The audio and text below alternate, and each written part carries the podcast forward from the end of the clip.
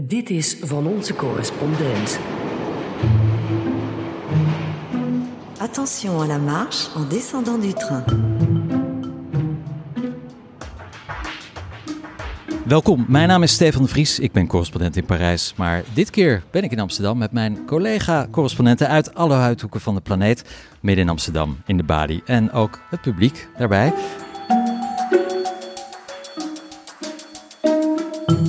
In deze speciale aflevering gaan we het hebben over onze ervaringen als journalist in landen uh, waar dat niet altijd moeilijk, ma makkelijk is. Uh, soms zelfs erg moeilijk. Um, er zit weer het crème de la crème bij mij aan tafel van de Nederlandse journalistiek. Tegenover mij uh, Jeroen Akkermans, RTL-correspondent in Duitsland. En die woonde al in Berlijn toen die stad nog helemaal niet hip was. Um, hij covert ook heel Oost-Europa op zoek naar mooie verhalen. Um, dus, dus Jeroen Akkermans. Naast hem zit Sandra Kosjes van RTL Nieuws en sinds kort ook van De Telegraaf. Jij woont in Sao Paulo, in Brazilië. Dat klinkt uh, paradijselijk, maar ook bij jou is de droom vreed verstoord uh, dit jaar, onlangs nog door de verkiezing van Jair Bolsonaro. Um, naast jou zit Sjoerd en Daas, hij is correspondent voor RTL Nieuws en Financieel Dagblad. In het Middenrijk, China, enorm land ook. Uh, je woont in Beijing, ook geen makkelijk land om journalist te zijn, lijkt me. Een understatement. En naast hem uh, Olaf Koens, RTL's-man in het Midden-Oosten. In 2014 al journalist van het jaar. Normaal krijg je dat aan het eind van de carrière, maar jij dacht, dan heb ik dat al vast gehad. Um, jij woont en werkt in Istanbul. Um, welkom allemaal hier aan tafel. Um, ja, laten we eens hebben. We zijn allemaal journalisten in, in opmerkelijke landen. Uh, Duitsland, Brazilië, Zuid-Amerika covert uh, Sandra, China. hoe is het, laten we bij jou beginnen, Sandra Korsjes. Is het heel erg veranderd sinds de verkiezing van Jair Bolsonaro om als journalist je werk te doen? Ja, absoluut. Ja, het is eigenlijk in de aanloop naar die verkiezingen heel erg veranderd. Hij is nu pas net gekozen als president. Hij moet nog echt beginnen op 1 januari. Uh, de angst bij journalisten is dat het dan nog verder gaat veranderen. Maar je zag gewoon tijdens de hele campagne eigenlijk... Uh, in de vorige podcast uh, vertelde Erik Mouten al dat er een soort ja, morele burgeroorlog in ja. de VS aan de gang is. Die is absoluut ook volledig losgebarsten in Brazilië. En daarbij hoort ook uh, ja, eigenlijk een, een haat uh, tegen journalisten. En, en, het geloof dat wij alleen maar fake nieuws verspreiden. En dat maakt het steeds lastiger om je werk te doen. Ja, hoe, hoe doe jij dat? Heb je zelf persoonlijk nare ervaringen sinds die verkiezing? Is, is jouw dagelijkse leven daardoor veranderd als journalist? Nou, eigenlijk ging het in de aanloop naar de verkiezingen wel oké. Ik had wel last soms dat je echt mensen moest gaan uitleggen van... nee, ja, ik ga er echt een nou ja, gebalanceerde reportage van maken. Ik ben er niet alleen maar op uit om Bolsonaro zwart te maken. Ik moest mensen soms wel echt overtuigen om mee te werken.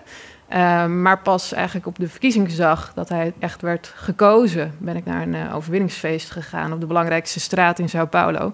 En toen ben ik echt wel lastig gevallen. Ja, helaas. Fysiek? Uh, nou, fysiek uh, viel eigenlijk wel mee, maar ik ben uh, ongeveer 20 minuten lang vooral door één aanhanger achtervolgd en die liet me gewoon niet meer werk doen. Ja. ja. Hoe, hoe, is het, hoe staan jouw Braziliaanse collega's daarin? Hoe is het persklimaat in het algemeen nog voor de verkiezing van Bolsonaro? Hoe, ja, hoe, hoe ziet het medialandschap daaruit? nou ja, ook kijk, het, het, het, hele probleem met dit soort dingen is natuurlijk dat heel veel journalisten, denk ik, in het algemeen neigen wij wat meer naar de linkse kant van het politieke spectrum, uh, ook in Brazilië. Zou ook zeggen de redelijke kant, kan ook. Wat zeg je? Je zou kunnen zeggen de redelijke kant. Uh, of de redelijke kant, Mensen die ja, nadenken. daar kun je hele lange discussies over voeren natuurlijk.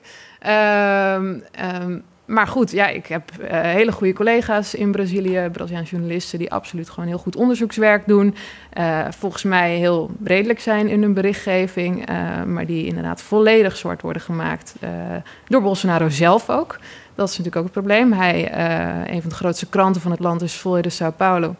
Uh, ja, hij roept gewoon constant, eigenlijk wat Trump in de, VS natuurlijk ook doet, van uh, ja, zij verspreiden fake news, het zijn leugenaars. Ja, dat, dat helpt natuurlijk niet in nee. die hele discussie. En, en hoe reageren die journalisten dan daarop? Ga, ga, hoe, nou ja, die voelen zich ook steeds meer bedreigd. Ja? Uh, die krijgen ook doodsbedreigingen, dat soort dingen. Uh, ik denk dat Braziliaanse journalisten dat in dat opzicht ook al langer moeilijk hebben eigenlijk dan uh, de internationale pers in Brazilië. ik woon nu zes jaar in Brazilië. Ongeveer vijf jaar geleden waren er hele grote demonstraties. En van toen kan ik me herinneren dat het juist hielp om te roepen: Ik ben buitenlander, ik ben buitenlander. Dan lieten mensen me met rust. Maar toen hadden de Brazilianen eigenlijk al best wel last, helaas. Ja, en dat is alleen maar erger geworden. Ja, ja je, je covert ook andere landen in, in, op het uh, Zuid-Amerikaanse... Ja, allemaal. Allemaal, allemaal, oké. Ehm, eh, merk je ook in andere landen een, een verschuiving of een verharding? Venezuela gaat natuurlijk uh, niet goed. Argentinië. Um, wat, ja, is er nog wel. in, de, in het begin van deze eeuw was Zuid-Amerika toch een soort baken. Of in ieder geval hoop dat daar normale democratie mogelijk zou zijn. Maar daar lijkt toch eigenlijk weinig meer van over. Nou ja, je ziet, het zijn allemaal extreme geworden eigenlijk. Die hele haat tegen de pers, dat heb ik nog niet zo gemerkt in, in andere landen. Ja, je kunt Venezuela kun je gewoon niet vergelijken, want dat is, dat is eigenlijk geen democratie meer. En in Brazilië in principe wel natuurlijk. Uh, en ik weet dat ze in Argentinië juist nu ook echt naar Brazilië kijken. Van wat gebeurt daar in ons buurland? Uh, ik was in, voor de verkiezingen was ik in september in Argentinië. En mensen inderdaad, die vroegen echt van leg het ons uit, wat is er aan de hand daar? Ehm, ik had daar niet echt door dat, dat diezelfde beweging aan de gang is. Ehm, maar ja, je ziet gewoon in het hele continent een, een verschuiving. We hadden natuurlijk heel veel uh, linkse regimes. Brazilië was zelf uh, ook heel lang door de Arbeiderspartij is dat geregeerd.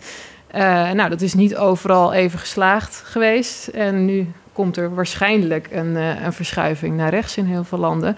Ja, of in Venezuela, dat is een geval apart eigenlijk. Maar ja, ik weet ook niet of je dat nog links kunt noemen eigenlijk in dat opzicht. Dus, dus 1 januari start Bolsonaro. Wat, wat is het eerste wat hij gaat doen, uh, denk jij?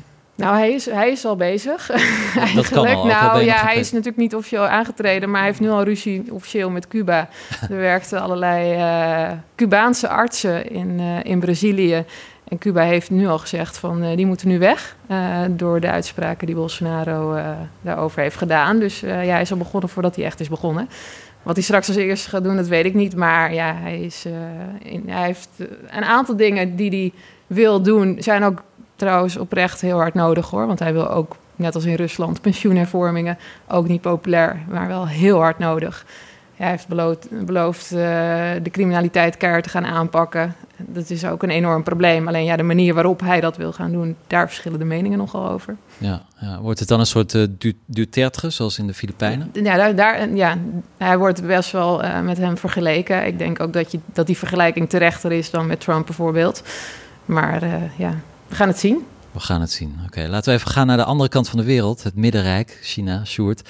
Um, ja, dat land heeft natuurlijk eigenlijk niet, geen traditie op het gebied van, van vrije pers. Uh, hoe, hoe, hoe, hoe, hoe ziet het daaruit? Hoe ga jij te werk als journalist in China? Je bent natuurlijk correspondent, maar uh, ja, is het lastig? Nee, als advocaat van de duivel, er is persvrijheid in China. en er is vrijheid van meningsuiting, ook in Noord-Korea overigens. Nee, in de praktijk is dat, is dat ingewikkeld. Um, het varieert natuurlijk van thema tot thema. Um, vroeger, uh, als in 10, 15, 20 jaar geleden, was alles wat uh, politiek beladen was, uh, gevoelig om over te berichten. Uh, voor buitenlandse media en natuurlijk ook voor binnenlandse media. Uh, sinds een aantal jaren, zeker sinds 2012, sinds uh, president Xi Jinping, generaal-secretaris ook natuurlijk van de Communistische Partij, sinds hij aan de macht is, zie je echt een verharding in het medialandschap zie je dat eigenlijk tegenwoordig alles politiek is. Dat werd heel erg duidelijk in 2015, waar de economie voorheen redelijk relaxed was, waar hoogleraren goed bereikbaar waren, handelaren op de beursvloer, mensen in het land, de businesses. iedereen wilde eigenlijk wel over economie praten. Want de economie was waar men trots op was uh, tot de beurskracht van 2015. Uh, eh, toen werd het drama in die zin dat de overheid vreesde voor sociale instabiliteit. Uh, kleine beleggertjes die hun geld waren kwijtgeraakt, misschien wel uit zouden komen dan uiteindelijk in Peking. Ook gingen protesteren voor een deel. sinds toen zijn eigenlijk de knoppen nog wat strakker aangedraaid. En helemaal dit jaar zie je dat natuurlijk met de handelsoorlog. dat eigenlijk alles bijna te gevoelig is om over te praten. En dus, dat je dus moeilijker aan je bronnen ook komt. Ja, dus, dus media berichten niet over die handelsoorlog? Of hoe, hoe, gaat dat in zijn werk? Is er een soort officiële lijn die ze moeten Absoluut, absoluut. Ehm, in eerste instantie uh, waren er ook berichten uitgegaan dat de handelsoorlog uh, vooral handelsfricties moesten worden genoemd. Uh, die ook moesten worden gezien in het bredere plaatje, zeg maar. China, opkomende markt, die nu hard bezig is te hervormen, was de staatslijn. en daar tijd voor nodig zou hebben, werd nu door Trump gedwongen om, om daar extra snelheid mee te maken. Terwijl de Chinese economie juist heel erg predikt van openheid, vrije markten en zo. Men gebruikt die, die narrative, die gedachte ook van kijk, zie je Trump die die opent nu de aanval op de vrije wereld. Wij zijn hier om protectionisme te bestrijden. Maar als jij een van de meest protectionistische markten bent in de wereld, is het natuurlijk heel makkelijk om wat kleine stapjes te zetten. En jezelf daar natuurlijk te presenteren ook als, uh, als redder van de vrije wereld. Ja, en als jij zelf uh, als journalist opereert, dus voor RTL en Financieel Dagblad, het is natuurlijk wat makkelijker om te schrijven dan televisie te maken. Um, omdat je een camera bij hebt, dus je valt meer op. Hoe, hoe doe je dat? Hoe, hoe ziet je dag eruit? En, en hoe, ga je, hoe word je belemmerd of, of misschien wel in een bepaalde richting geduwd? Ja, het hangt er heel erg vanaf. Soms word je, word je enorm verrast. Um, zoals van de week ben ik op pad geweest uh, voor een item over China's steenkolencentrale boom. Uh, men had beloofd om geen centrales meer te bouwen. Nu de economie wat afremt, uh, zie je toch dat overal die steenkolencentrales weer uit de grond worden gestampt. daarbij verwacht ik, omdat die centrales ook als staatsgeheim worden gezien, verwacht ik dat ik vrij snel wat onbekende lieden bij me heb die gaan klagen, de politie gaan bellen. Uh, en vervolgens mij uh, in de bus terugzetten, zeg maar, richting Beijing. Dat ging heel erg goed, uh, tot mijn grote verrassing. eerder in Xinjiang, de provincie in het westen van China, waar veel Oeigoeren wonen. Um, dat was niet onverwacht, ongemakkelijk, zal ik maar zeggen. Um, en in welke, welk opzicht? Ja, goed, je komt aan op het vliegveld. Uh, je hebt een tripod bij je, dus je bent al niet, niet heel erg anoniem. Uh, ja. Je valt op tussen de Chinezen, uh, vrij standaard. Dan had ik mijn haar niet gegeld, dus ik, ik dacht, ik kan misschien nog doorgaan voor Oeigoer vandaag. Um, nee, maar goed, bij het vliegveld staat dan een agent die je paspoort checkt, kijkt wat voor stempeltje daarin staat. Daar staat journalist bij. En vanaf dat moment heb je gezelschap, ja? ben je niet meer alleen. De taxichauffeur waarvan ik had gevraagd: kunt u mij naar dat en dat uh, lamskebab restaurant rijden? Um, zei op een gegeven moment ook, nadat ik hem wel had verteld dat hij in de buurt zat van een van de heropvoedingskampen, waar honderdduizenden Oeigoeren worden vastgehouden. Toen zei hij van, nou, dit is een goede plek voor jou om eruit te gaan. Um, en op dat moment wat straatjes gefilmd met verlaten huizen, verzegelde deuren, grote sloten erop ook. Heel duidelijk dat die mensen um, waarschijnlijk niet op vakantie waren, zal ik maar zeggen. Um, ja, vanaf dat moment heb je constant mensen die door je beeld gaan lopen, vervolgens gaan vragen: kun je die beelden verwijderen? op het moment dat je dan dichter bij dat kamp komt, lopend in eerste instantie. Uh, dan krijg je te maken met politieblokkades. Ik ben op een gegeven moment nog in een bus gesprongen. Ik dacht, de bus zullen ze niet gaan tegenhouden met, met 30, 40 man erin. Uh, uiteindelijk door een checkpoint heen gekomen, wat dan ook al een half uur duurde. Ja, en vervolgens rijden dan een aantal politiebussen met, uh, met gillende sirenes jou voorbij, blokkeren ze de weg en moet de bus terug.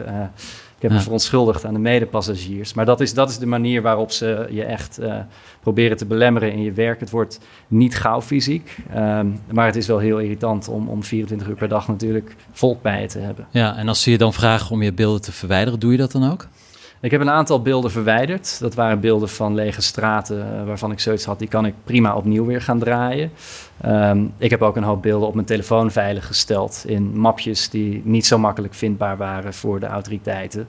Uh, dus door constant eigenlijk dubbel te draaien, uh, zowel op mijn gewone camera als op mijn telefoon, en door constant ook kaartjes te wisselen en die op de meest onmogelijke plekken, zal ik maar zeggen, te verstoppen. Ja.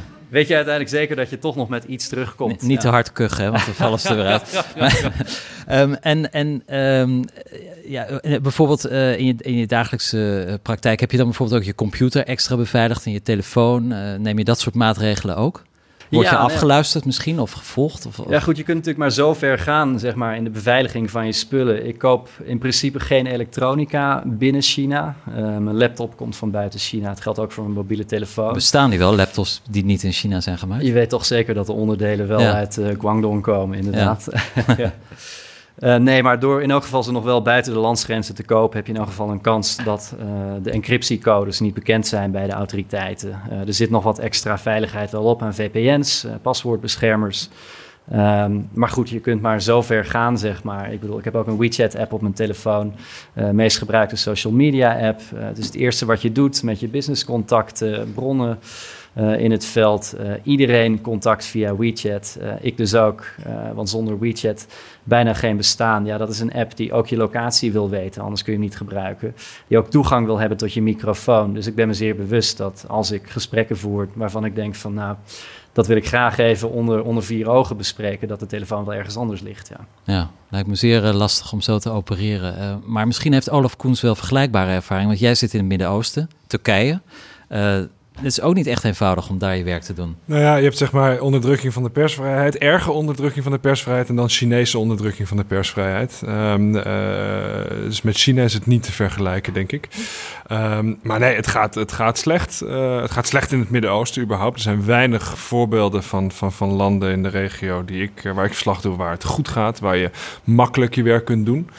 Um, dat geldt zeker voor, voor, voor Turkije ook. Uh, er zitten, uh, als het alleen al gaat om hoeveel het Turkse journalisten in de gevangenis zitten, meer dan 100 op dit moment. Uh, Turkije is nummer één in de ja. wereld van het, van het journalisten achter tralies zetten. Dat betekent dat de, de, informatie die ik tot me krijg uit de Turkse media gewoon echt heel weinig is. Er is bijna geen onafhankelijke media in Turkije meer over. Dat geldt even goed in, in de rest van de regio.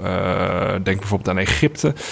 Um, Nee, dus het, het, het, is lastig werken, absoluut. Ja, hoe, hoe, kom je dan aan je informatie als er geen betrouwbare nationale media meer zijn. Heb je contact ook met bijvoorbeeld Turkse journalisten in Istanbul? Zeker, ja. ja uh, maar ook de, met gewoon mensen. Uh, gewoon vragen, hoe gaat het? Uh, dat, dat werkt heel erg goed. Um, het is heel erg terug. Als je kijkt, naar, je ziet in heel veel landen hebben ze altijd dan toch nog maar wel een Engelstalig krantje. Ik vind het heel leuk om die dingen te lezen. Niet om aan, om aan informatie te komen, maar dat is een soort Stalinistische Hosanna-pers geworden. Als je in Turkije aankomt op de luchthaven, krijg je de Daily Sabah of zo.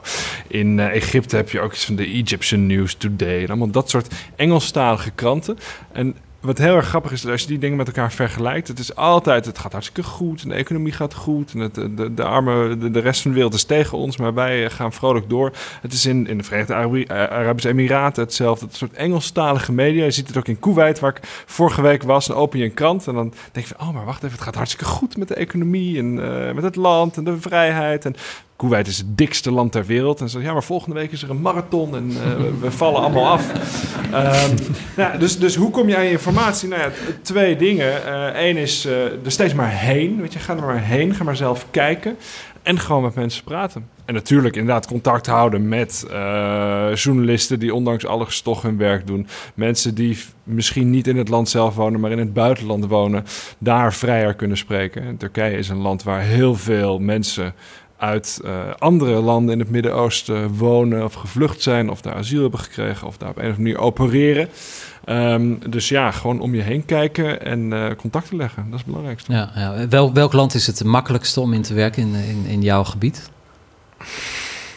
Uh, waar, waar, kom je het liefst, laten we het anders zeggen. Dat is misschien niet hetzelfde. Maar... nee, zeker niet hetzelfde. Um, goh, ik denk als je het allemaal bij elkaar vergelijkt, is Turkije nog steeds het makkelijkste land om te werken. Ja? Vergeleken bij de rest. Zeker. Uh, weet je, ik, ik, ik, ik woon en werk in Turkije. Ik woon er, mijn gezin woont er. Dus ik heb, een, ik heb een verblijfsvergunning in Turkije. Ik heb een persvergunning in Turkije. Nou, dat, dat, dat zijn al, hè, dat is al hele dat is al mo moeilijk genoeg om dat voor elkaar te krijgen. Maar als je dat eenmaal hebt, dan kun je ook je werk doen. Dus ook in Turkije word je wel eens uh, lastiggevallen door de, door, door de autoriteiten. Of door uh, de geheime dienst die je volgt. Of soms wordt je ergens gezegd, je mag hier niet filmen, daar niet filmen. Uh, maar dan kan ik in ieder geval schermen met een pas die ik heb. En, en, en, zeggen van luister, ik heb van jullie autoriteiten de toestemming gekregen om het wel te doen. Ja. En dan laat je met rust? Ja, redelijk. En het verbaast mij altijd. Ik, ik, ben, ik ben een beetje de verkeerde figuur om, om te spreken over persvrijheid, omdat ik natuurlijk tien jaar in Rusland heb gewoond. Ja. Dus, dus zeg maar, als, ik vergelijk alles met Rusland en dan valt eigenlijk altijd wel weer een hoop mee. Dus ik verbaas me altijd uh, dat je dan waren bij de grens met Syrië en dan wil je die grens gaan filmen, dat mag dan niet. Dan word je weggestuurd en dan daarnaast staat een flatgebouw wat in aanbouw is. En dan, nou ja, dan loop ik die verdieping omhoog en dan ga ik bovenop het flatgebouw filmen. En dat kan weer wel, weet je. Dan rijdt er een politieauto voorbij en die zwaait en dan zwaai ik terug. dus Turkije blijft verrassen op een bepaalde manier in, in, in de hoeveelheid van, wat er wel kan, of wat ik in ieder geval kan doen. Um, dat geldt natuurlijk voor mij en ik denk dat dat voor iedereen geldt. Wij zijn buitenlandse journalisten. Uh, ik ben me ook erg bewust dat ik een beetje op, op geleende tijd leef. Uh, en als de nood aan de man is, uh, stappen op het vliegtuig, gaan we terug naar het, uh, het veilige naar Amsterdam. Of naar Rusland, nee, naar Amsterdam. Um, en voor Turkse journalisten, en zeker voor journalisten in, in andere delen van de Arabische wereld, ja, die lopen een ontzettend groot risico. Um, ja, en dat, dat, dat gaat heel slecht op dit moment. Ja, ja. Laten we eens even naar Europa gaan. De enige Europeaan aan tafel is Jeroen Akkermans in Berlijn. Um, Italië hoort niet meer tot Europa? Nou, aan deze, deze, oh, aan deze tafel. sorry. uh, en Frankrijk natuurlijk. Maar um, in, in Europa is het ook niet al te best gesteld de laatste jaren met de persvrijheid. Maar hoe, hoe zit het in Duitsland? Daar horen we weinig over uh, journalistieke bedreigingen. Wat, wat is de journalistieke cultuur van de Duitse uh, media? Nou, ik heb nog steeds de indruk dat uh, de journalisten uh, een beschermde status genieten. Um, alleen er is meer druk vanuit de samenleving gekomen. als ik in het oosten van Duitsland op Pegida-demonstraties, op elke maandagavond heb je Pegida-demonstraties, dan worden er leuzen gesproken van dat de grenzen dicht moeten. Ehm, daar op die golf is de AFD groot geworden. Um, daar hoor je dan altijd scanderen: Lugenpresse. En voordat je ook maar een vraag stelt, uh, willen mensen niet met je praten. Dat is nieuw. Of relatief nieuw, want het is alweer een, een aantal jaren heeft, heeft dat ingezet. En die trend die zet door. Um, alleen, het is in vergelijking met uh, mijn collega's hier um, uh, toch wel heel anders. Omdat je nog steeds vanuit de overheid uh, um, kun je, je kunt bij, bij de politie zeggen van dat je bedreigd bent of dat je geduwd bent of dat er mensen je lastig vallen, of dat nou telefonisch is of op straat. Je hebt een, een, een apparaat om op terug te vallen. Dus in dat opzicht denk ik dat uh, Duitse journalisten zich in hun handen mogen wrijven over de staats. En die, dat hebben ze niet altijd. Er zit een zekere arrogantie bij journalisten. En dat heeft ook met het vak te maken. Dat ook vanwege het Duitse oorlogsverleden. Dat men na de oorlog heeft gedacht van nou één ding moeten we beschermen. En dat is de pers. En uh, dat is door de jaren heen, is dat, en dat is ook een groot goed, is, dat, is dat verstevigd. Um, daardoor heeft een journalist toch altijd het idee van, nou, laten we, als we gaan praten, zet ik mezelf eerst op een podium. En dat is op een podium. Um, en dat is denk ik um, een groot, ja, wat ik zeg, een groot goed. Um, maar dat is ook wel een beetje doorgeslagen. Er zit een, die, arrogantie die bij uh, Duitse journalisten, zeker als je het hebt over de publieke omroep, uh, maar ook over de commerciële omroep, de televisiestations, die komen alleen op binnen zitten met uh, veel toeters en bellen, geluidsmensen, lichtmensen. en dat geeft dan altijd een soort van een zekere afstand. En dat maakt het dan ook wel moeilijk, denk ik, om in contact te treden met mensen die het niet met jou eens zijn of die vinden dat jij tot de Lugenpresse behoort. Ja, ja. en uh, je reist ook veel door Oost-Europa. Um, uh, je was volgens mij onlangs in Hongarije, uh, ja. Viktor ja. Orban. Um, zie, zie jij in Oost-Europa ook een verschuiving wat betreft... Absoluut, ja. ja. Nou, je, zeker, als, lang, als, je kijkt bijvoorbeeld in, in Hongarije, er is nog maar één onafhankelijke krant over. Voor de rest is het allemaal geschoven onder de achterban van, van Orban. En op televisie is er al helemaal geen onafhankelijke tv-station meer te bekennen. Misschien nog RTL, wat ook in Duitsland of in Hongarije RT? aanwezig is. Ja, maar daar, zit, daar hebben ze... maar daar hebben ze geen, uh, geen uh, nieuws. Dus of een hele, hele, hele beperkte nieuwsafdeling.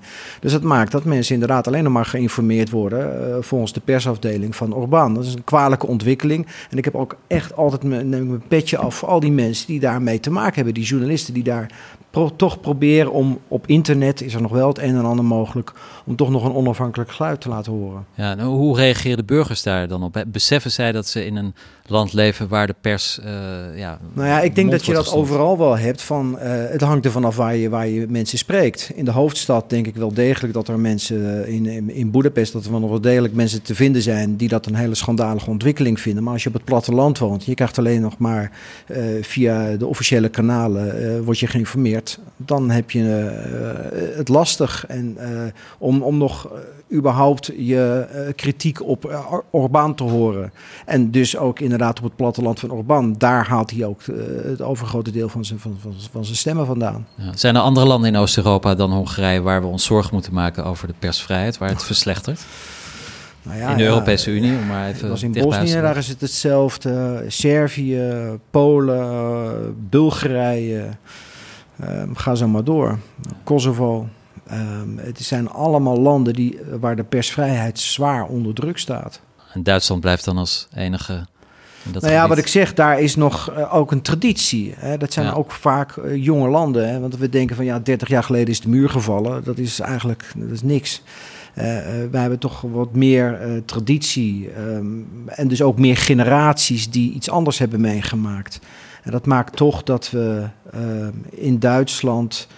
dat die ontwikkeling minder snel gaat, denk ik. Ja, hoe, hoe zit dat in Oostenrijk eigenlijk? Want daar is natuurlijk nu een ik weet niet of je hem extreem rechts kunt noemen, maar Sebastian Kurz, populist aan de macht. Ja. Ehm, kom je daar ook wel eens? Daar kom ik ook wel eens, ja. Hoe, gaat nou, ja, ik denk dat daar hetzelfde geldt als voor, uh, voor uh, Duitsland. Dat daar toch nog steeds een, een mechanisme is waarin je eh, kritiek kunt spuien. Poetin is nog in Oostenrijk geweest en die is nogal hard aan de tand gevoeld door de Oostenrijkse staatstelevisie. Dat is hem ook kwalijk genomen. Aan de andere kant is ook de minister van Buitenlandse Zaken heeft Poetin op haar bruiloft ontvangen en daar een diepe kniebuiging gemaakt uh, voor de hooggeëerde gast. Dus uh, ook in dat opzicht is het niet, het is niet een eenduidig beeld van in deze richting gaat het. Ja, er is nog steeds een kritisch geluid mogelijk in, in Oostenrijk, maar ook daar is heel duidelijk een verrechtsing uh, merkbaar. Ja, nu gaan we even een rondje maken. als wij klaar zijn met ons werk, dan kijken we natuurlijk naar films of gaan we naar theater of luisteren naar muziek. Ik heb weer een keuze laten maken over cultuur. laten we even bij jou blijven, Jeroen. Je hebt een film uitgekozen, Der Hauptmann. Um, wat, wat, gaan we zo zien, Jeroen? Vertel eens.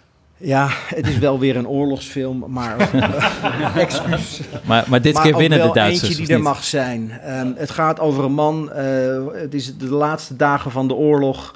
Um, die ziet een verlaten auto en daarin komt hij het, uh, het uniform tegen van een hooggeplaatste natie. Hij trekt die aan en uh, wordt vervolgens door in de chaos van het front wordt hij door mensen als het ware geëerd omdat hij dat uniform draagt. Dat smaakt naar meer. Um, en hij gaat daarin, in die rol, wordt hij steeds uh, sterker, uh, brutaler, agressiever. Doodt ook mensen en beveelt ook mensen om te doden. En nu komt het, het is een waar gebeurd verhaal. Oké, okay, laten we even naar een fragment uh, kijken en luisteren. Freitag,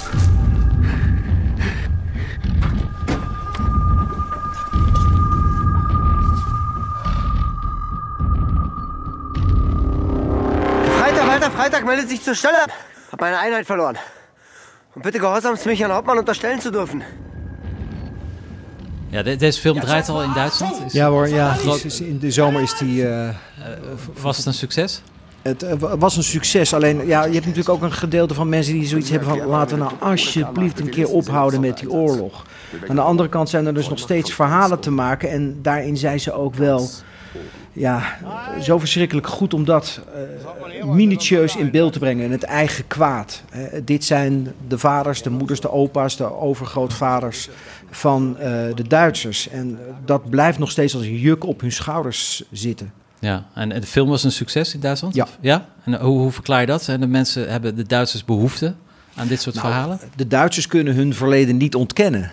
Um, en dat doen ze ook niet. Uh, um, ook kinderen worden naar, naar, dit soort films gestuurd of het wordt op scholen vertoond. Gezellig Ook omdat toch, het, is, het, dat is, het is geen gezellig verleden. Nee. En ik denk dat we dat ook in Nederland kunnen we altijd nog zeggen van nou ja, we waren toch een verzetsnatie, wat natuurlijk niet helemaal klopt. Um, over het oorlogsverleden van ja, over het oorlogsverleden van de Duitsers, ja, daar is gewoon geen twijfel over. en daar proberen ze zo goed en zo kwaad als het gaat, proberen ze zo openlijk mogelijk te zijn. En daar is deze film een voorbeeld van. Een waar gebeurd verhaal. Ja, en wat is er met die man gebeurd? Ja, laten we niet, geen spoilers. Hè? Mensen moeten maar gewoon gaan zien. Komt hij in Nederland? Weet je dat toevallig? Ik, volgens mij is hij al in Nederland. Oké, okay, der Hauptman. Oké, dan gaan we nu even naar uh, China. Sjoerd. Um, je hebt muziek uitgekozen uit het gebied waar je net over vertelde, waar je, uh, in, in, uh, waar je de politie achter je aan had. Um, wat is dit? Wat, wat, wat, gaan we horen? Zo? Nou, over die politie gesproken. Dit is, dit is een van de nummers die uh, toen ik bij de politieagent in de auto zat, toen hij dat speelde op zijn telefoon. En ik vroeg hem, welke artiest is dit eigenlijk? Toen zei hij, ken je die niet? Ik zei, nou ja, er zijn dagen dat ik niet naar Oeigoerse muziek luister inderdaad. um, Dus dit is, dit is wat men noemt de zoon van de zijderoute. Dat is de geuzennaam die hij heeft gekregen. Um, Gun uh, op zijn Chinees. Uh, op zijn uh, Oeigoers is het, is het Erkan Abdullah. en dit is een man die al jarenlang muziek maakt. In eerste instantie vooral volksliedjes. met een Oeigoerse, bijna, bijna Turkse soort, soort van twist. Uh, komt uit Kashgar, deze man. en, en ja, heeft heel veel invloeden vanuit Spanje er ook in verwerkt. Heeft een tijd in Beijing gezeten. Nou, als, je, als je die drie plekken bij elkaar brengt, Beijing, de rode hoofdstad, Kashgar, het middelpunt zou je kunnen zeggen van de zijderoute, en de flamengo van Spanje, dan krijg je ongeveer zoiets. Oké, laten we even luisteren.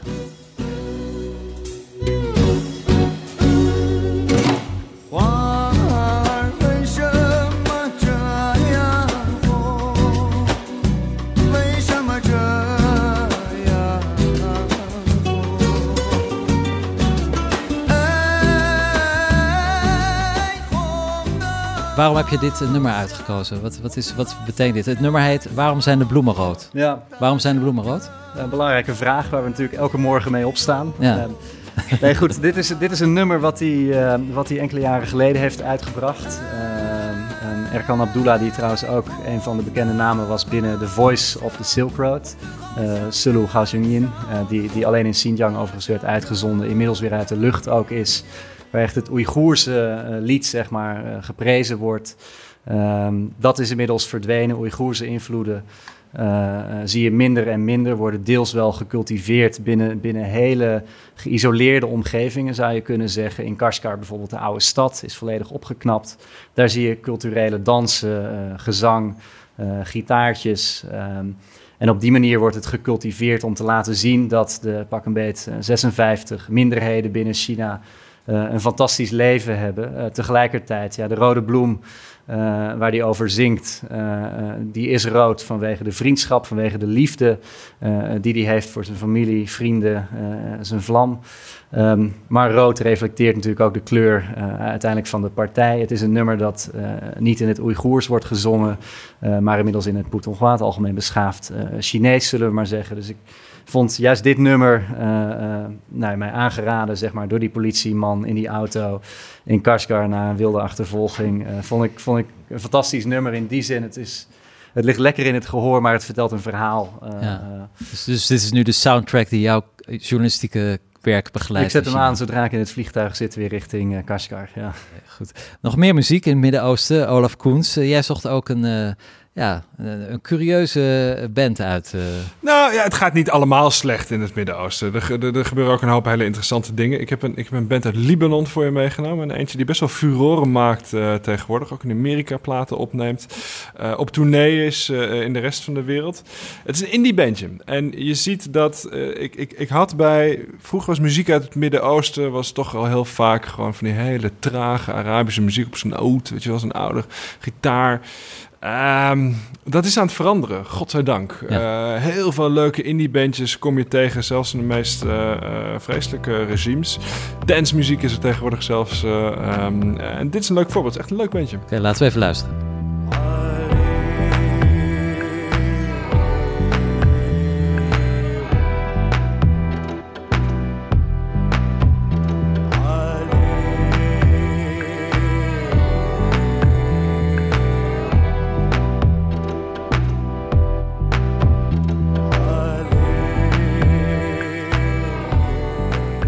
Wat zingen ze hier? Waar gaat het liedje over? Weet je dat of niet? nou, je vindt het gewoon leuk. En, nee, het is fantastisch. Het is een hele leuke band. Ja. Uh, het bijzondere aan deze band is dat het, uh, de zanger is, is openlijk homo. Ja. Uh, daar komt hij voor uit. Dat leggen ze uit in interviews. de thematiek gaat soms ook over... het gaat over liefde, het gaat over haat, het gaat over ontwikkeling in de regio. Het gaat ook over liefde tussen, tussen mannen. Daar wordt openlijk over gezongen. Nou, dat is in Libanon al een gevoelig thema. Moet je nagaan wat er gebeurt als ze optreden in Cairo. Uh, wat gebeurt er dan? Nou, dan worden er aantal ze fans... daarop? Ja, ja, ze zijn op, het was een concert in Cairo. Er werden nog gelijk 18 fans opgepakt door de autoriteiten. Uh, ze, ik ben bij een concert geweest in Istanbul. Uh, Istanbul is daar een stuk vrijer en liberaler in. Eh, maar dan zie je echt duizenden mensen op afkomen. Razend populair.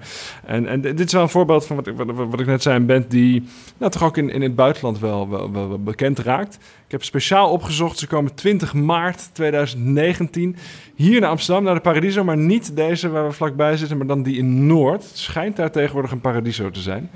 Ehm, ik weet niet hoe. Ehm, maar blijkbaar, ik ben al een tijdje weg hier. Uh, hoe dan ook, een hele, hele, echt, een, echt een leuke band. En, en een teken van, ja, weet je, er zijn ook in Libanon zijn er indie bandjes. En die, die zingen echt niet alleen over wat er in, in Libanon gebeurt. Die raken problemen en die krijgen een fanschare die echt pan-Arabisch kunt noemen. Dus hier wordt naar geluisterd in, in, in Marokko. Hier wordt naar geluisterd in, in de Verenigde Arabische Emiraten. Ze treden op in allerlei delen van het Midden-Oosten. Dat is best wel gaaf. Ja. Die beweging is groot. Betekent dat ook voor, voor homo's in die landen dat ze misschien wat makkelijker uh, uit de kast kunnen komen, omdat ze dit soort ja, misschien uh, voorbeelden hebben? makkelijk, zal het, makkelijk zal het nooit zijn, vrees ik. Uh, maar het is natuurlijk een, een, een, een, een, een fantastisch iets dat je in ieder geval een, een grote band hebt waarmee je kunt identificeren en waar je naar kunt luisteren. iets waar heel veel mensen uh, wat, wat zullen, dat zullen herkennen. Zeker. Ja, ja. Tot slot gaan we terug naar Zuid-Amerika, Sandra Korsjens. Uh, je hebt iets gekozen uit uh, Venezuela, geloof ik? Ja, ja. opgenomen in Peru. Opgenomen in Peru, oké. En waarom heb je dit uitgekozen? Wat, wat gaan we zien uh, en horen? Ja, ik heb dit jaar veel verslag gedaan van de, nou ja, de vluchtelingencrisis vanuit Venezuela eigenlijk. Mensen die, die daar weggaan naar andere landen in Latijns-Amerika, Colombia, Ecuador, Peru komen ze terecht. Uh, dit is een zangeres uit Venezuela die daar aan een paar talentenjachten ook had meegedaan, maar nog niet heel erg was doorgebroken. En uh, zij is in Peru terechtgekomen en uh, schreef onderweg daar naartoe een lied. En dat, dat zong ze op een plein en dat is door een Peruaan opgenomen en op YouTube gezet. En geëxplodeerd. Uh, elke Venezolaan uh, kent dit lied volgens mij. Het is echt het ja? lijflied geworden eigenlijk van, van vluchtelingen uit Venezuela. Okay. Ja. Nou, laten we even gaan luisteren. Obligaba mis ojos a no ver la realidad, creando excusa para no escuchar. Yo me escudaba, no reaccionaba, pero tarde o temprano me tenía que marchar y mi madre me ayudó, al vacío me lanzó, me dijo mi negrita, es con buena intención, pues soy tu madre y quiero verte volar alto y no Ja, vrolijke noot over een serieus onderwerp. Wat, wat, ja, jij wat, vindt het vrolijk klinken? Ik, ja. Ik, ja, ja, ja. ja, ja mij doet het nog steeds echt heel veel. De eerste keer dat ik het hoorde moest ik huilen. En nu nog steeds bijna. Um, ik krijg altijd kippenvel van. Um, ik heb zoveel mensen gesproken die zijn weggegaan uit Venezuela. Um, omdat ze honger hadden, omdat ze gewoon geen medicijnen konden krijgen. En ja, zij, zij zing, bezingt dat gewoon zo goed, dat gevoel van je land achterlaten. Uh, en hoe onrechtvaardig dat eigenlijk is. En ze scheldt Maduro eigenlijk ook uit in dit lied verderop. En, en die woede en mensen hier in, dat, uh, in deze YouTube-video, die... Ja, je hoort ze dan ook meeroepen over Maduro. Ja. En het zit zo diep gewoon. Ja, ja. ja. Is, er, is er uitzicht op een oplossing daar? Nee. Voorlopig niet. Nee, want het blijft hier een beetje uh, onderbelicht, hè, die crisis daar. We hebben natuurlijk, uh, wat vreemd is, omdat ja. Nederland een buurland is van, uh, van Venezuela. je bent op Curaçao geweest, Ja, ik ben ook op Curaçao geweest. En, en, hoe gaat het daar aan toe met... Um, nou ja, daar, uh, daar gaan ook steeds meer Venezolanen naartoe. Het is iets lastiger, want dan moeten ze ook met een bootje. En uh, de meeste Venezolanen, het is gewoon makkelijker om naar Colombia te gaan ja. met de bus. Uh, ja, de mensen die op, Venez op Curaçao aankomen, het zijn er nu wel echt al duizenden. Die komen daar vaak in de illegaliteit terecht. Maar ja, de, de overheid van Curaçao doet weinig uh, om die mensen te helpen, helaas. En kijkt ook naar Nederland. En Nederland kijkt dan weer de andere kant op. Uh, ja, er zit, uh, er zit weinig vooruitgang in. Dus er is nu echt een serieus vluchtelingenprobleem op Curaçao? Absoluut, op, ja. ja. En Aruba ook. Ja. Aruba ook? Ja. Oké. Okay. En Bonaire? Is dat... Net iets lastiger weer te bereiken, ja. ja. Ja. Maar, uh... we, hebben, we hebben het er niet vaak over. Heb je daar eigenlijk een reportage over gemaakt? Ja, ik, ja, ja? ja okay, ik ben op Curaçao geweest. Ja, nee, dan, niet gezien, kijk, het probleem is ook dat uh, Venezolanen daar die worden gewoon opgepakt in een gevangenis gezet en dan vervolgens teruggestuurd naar, naar Venezuela. Uh, en dat is tegen allerlei internationale verdragen, omdat uh, dit zijn, zit, kijk, er wordt, het is heel lastig waarom mensen op de vlucht slaan. Uh, er wordt dan gekeken, ja, politieke vluchtelingen, economische vluchtelingen. In het geval van Venezuela is economische vluchteling volgens mij al erg lastig als je gewoon echt honger hebt. Maar er zitten ook politieke vluchtelingen bij. Maar ja, Curaçao luistert niet naar die verhalen en stuurt die mensen gewoon terug. Helaas. Um, en ja, ook bijvoorbeeld kinderen worden van ouders gescheiden totdat ze worden teruggestuurd. Uh, allerlei verdragen die worden overtreden in ons eigen koninkrijk, helaas.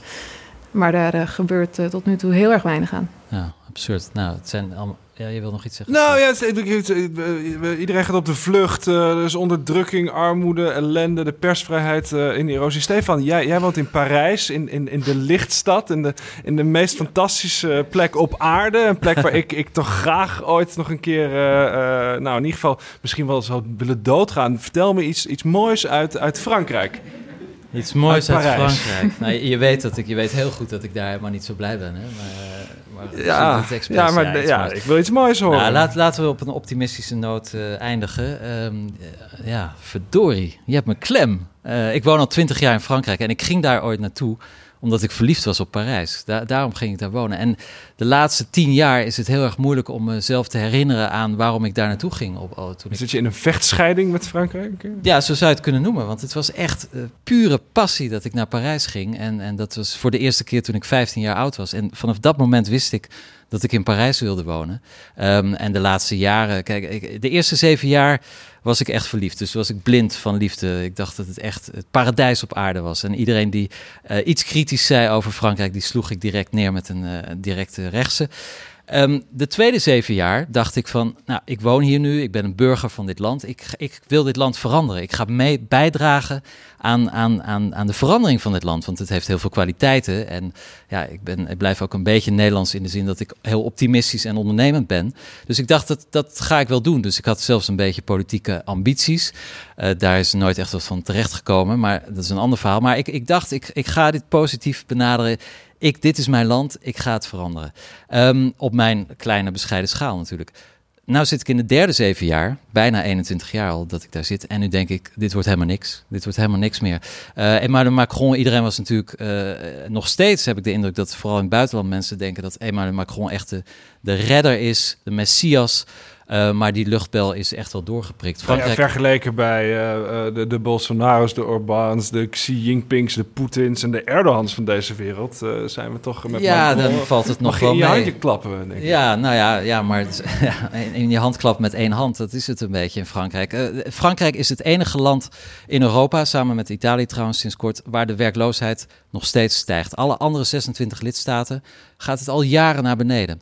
Uh, de staatsschuld is enorm. Uh, de mensen, er is een enorme. In mijn, ik woon in een redelijk uh, normale avenue.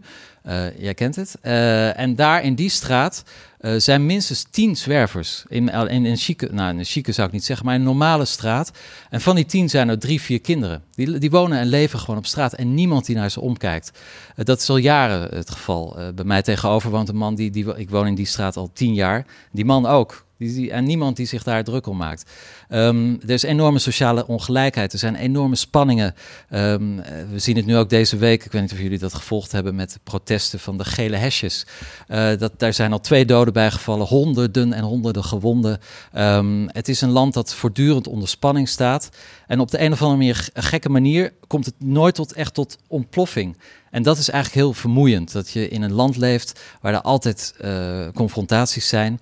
Uh, waar je naartoe bent gegaan uit liefde. En inderdaad, je zegt een Maar ja, het is niet zo makkelijk om te scheiden van, van boedel en bed.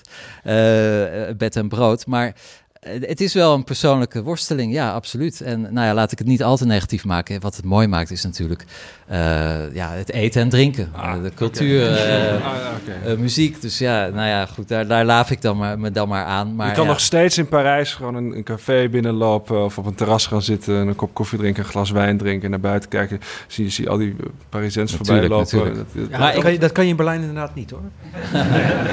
nee, maar ik, ik, ik, ik wandel... Ik probeer zo vaak mogelijk te wandelen door Parijs en mezelf dan te herinneren hoe ik dat voelde toen ik er net kwam. En dat is echt een, een, een opgave, maar het is een soort uh, bezigheidstherapie. Maar het is, het, ja, het, is, het is een teleurstelling eigenlijk die, die, die ik meemaak. Dus ik ben op zoek naar het volgende land, maar ja het is niet best. Uh, Frankrijk is wat dat betreft zo slecht nog niet. Uiteindelijk. Um, nou ja, met deze sombere woorden zijn we aan het einde gekomen. Misschien is dat een opluchting aan het einde van deze uh, podcast van onze correspondent. Um, um, ik denk het. Ik, ik, hoop dat jullie het interessant vonden. als je graag naar van onze correspondent luistert, deel deze podcast dan met vrienden of collega's of vijanden. Nog beter als je ze wil pijnigen. of met allemaal, dat is nog mooier. Ik vond het heel leuk dat jullie er waren. Het klinkt als een cliché, maar normaal maken we deze podcast, zoals ik net zei, ik, op mijn kantoortje in, in Parijs, soms in mijn pyjama. En het, er is weinig, ja, dit is natuurlijk veel leuker. Dus ik hoop dat jullie inderdaad van onze correspondenten gaan luisteren en ook aanraden aan, aan jullie vrienden en kennissen. We staan op alle platforms, dankzij Dag en Nacht. En we sluiten opnieuw af met een nummer 1, het ergste wereld. En deze week ging ik naar Brazilië.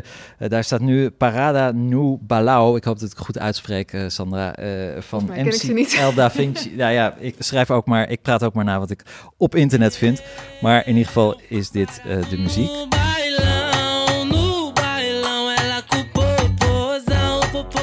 Voor nu, dank voor het luisteren. Ik dank ook uh, Olaf Koens, Sjoerd Daas, Sandra Kosjens en Jeroen Akkermans. Um, voor al die airmiles die ze bij elkaar hebben gespaard door over de hele wereld deze keer speciaal naar Amsterdam gekomen te zijn. Um, kijk voor andere boeiende podcasts op www.dagenacht.nl. We zijn er weer over twee weken met een nieuwe aflevering. Alvast gelukkig 2019. Tot dan. Au revoir. Geef een groot applaus, Stefan de Vries. Dit was van onze correspondent. U bent aangekomen op uw bestemming. Please remember to check out